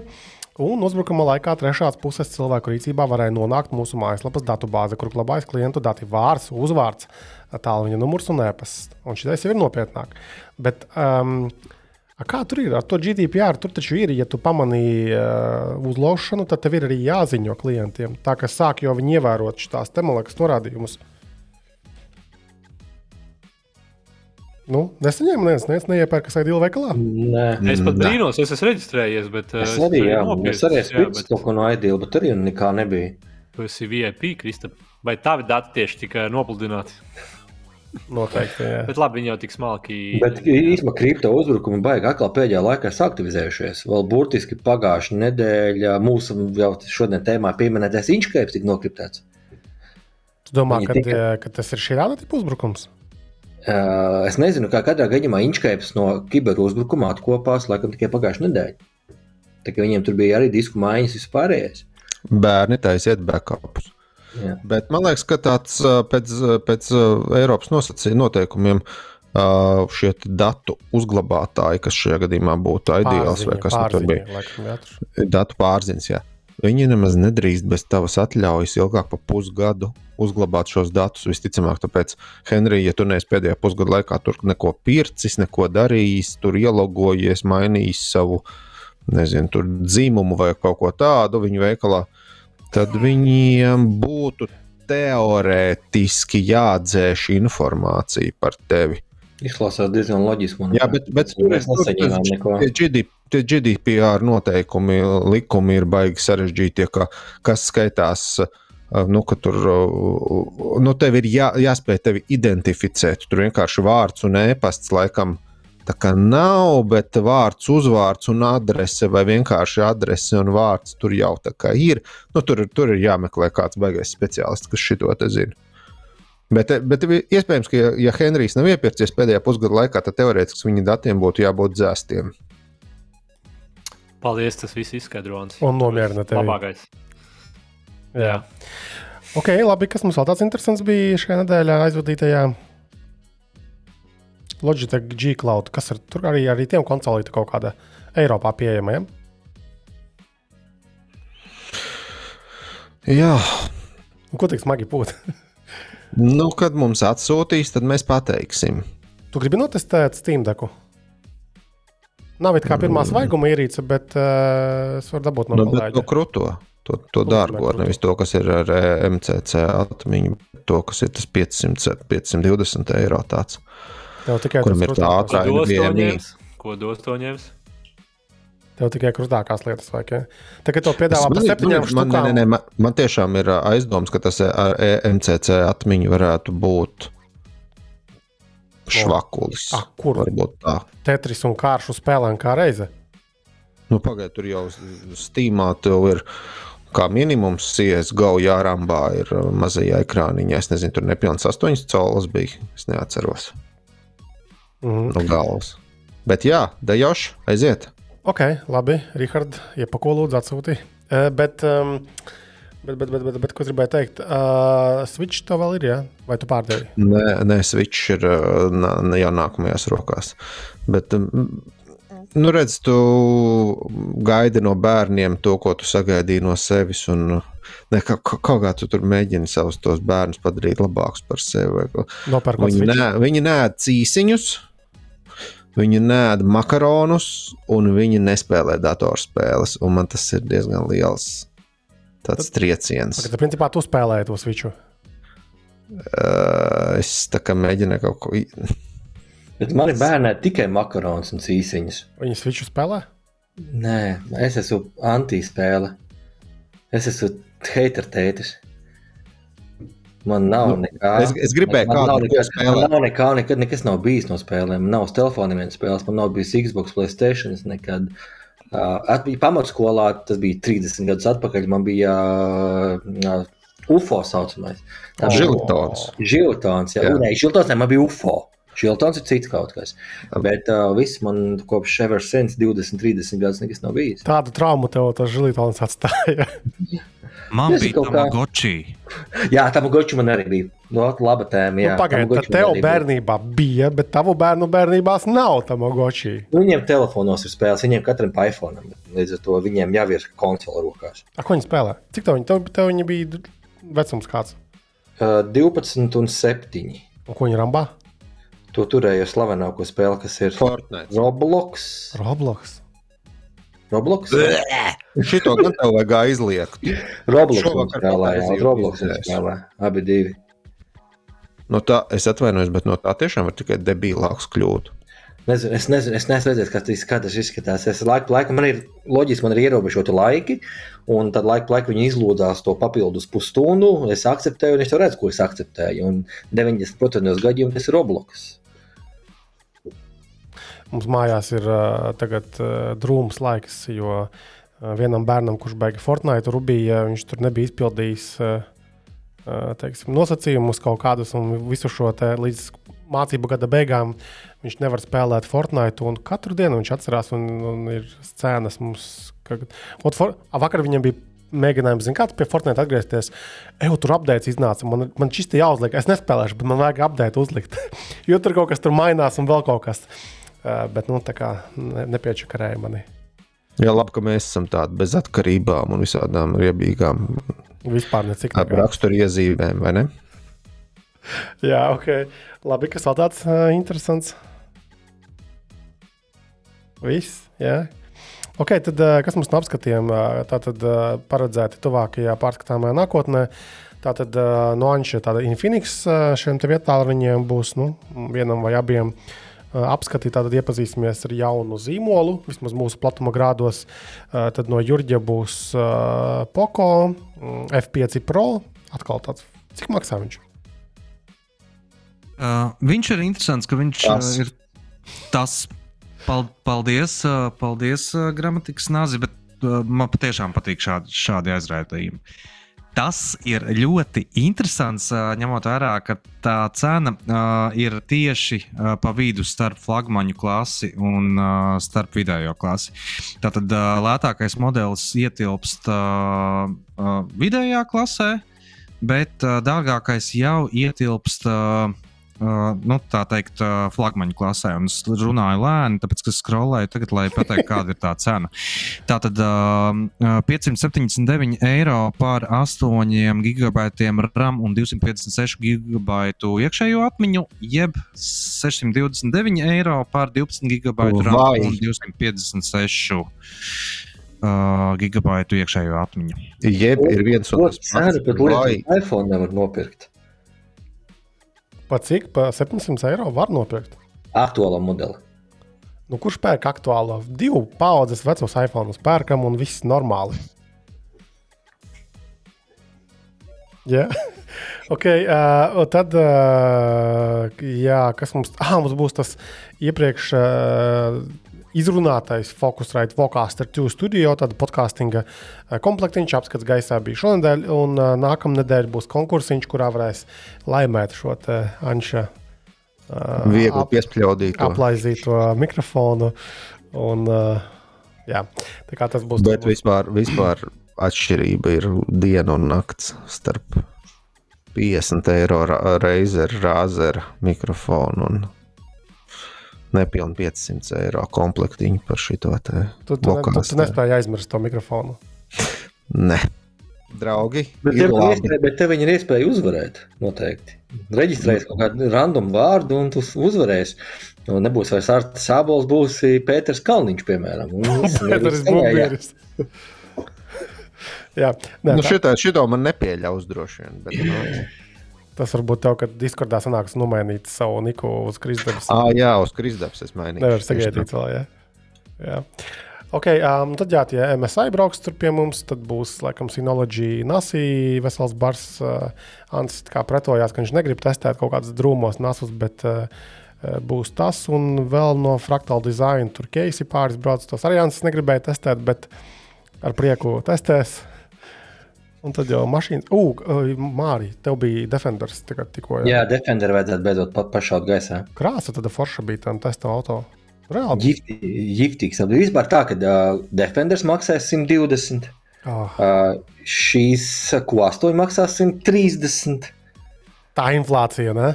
Tas cenas vienkārši tik. Ok, tas Defenders bija pilns, praktiski līdz ručkai, plus viņš bija 75 gadu īpašā versija, kas ir uh, pirmā, paša, paša pirmā Landrovera, uh, tas ir 75 gadiem zaļā krāsa. Es teikšu, godīgi, es to mašīnu noheitoju bildēs un vispār tajās pirmajās sajūtās, kas ir arī apskatā rakstu, bet dzīvē bija tik fēns auto. Jā. Es biju šokā, tas auto īstenībā bija fēns. Tagad, kad jādabūties 120 tūkstoši. Nu, vienkārši jāpelnā vairāk tieši tā. Tas 120 tūkstoši droši vien iztaisās par 414 eiro mēnesī, ne? Viņš vairāk gan sanāk, man liekas. man liekas, domāju, es, es, mēs domājam, ka mēs nevaram Baltiku. Tuviem diviem tūkstošiem noteikti, Anis, es teiktu. Jā. Ok, labi, tad uh, paldies. Šis bija baigi interesants um, redzējums epizode. Mārī droši pievienojas. Tagad saproti, kā tas viss izskatās. Uh, Noteikti. Ar četriem tirliņiem runāt uh, par interesantām tēmām. Un tad tie, tiekamies um, jau pēc nedēļas. Ja? Atā, atā, atā. Un tagad jūs sakāt visi atā. Atā, čau. Atā. atā.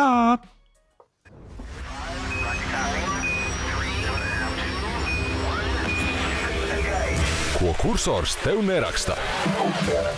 Regulārs tehnoloģiju podkāsts kopā ar Cursors LV.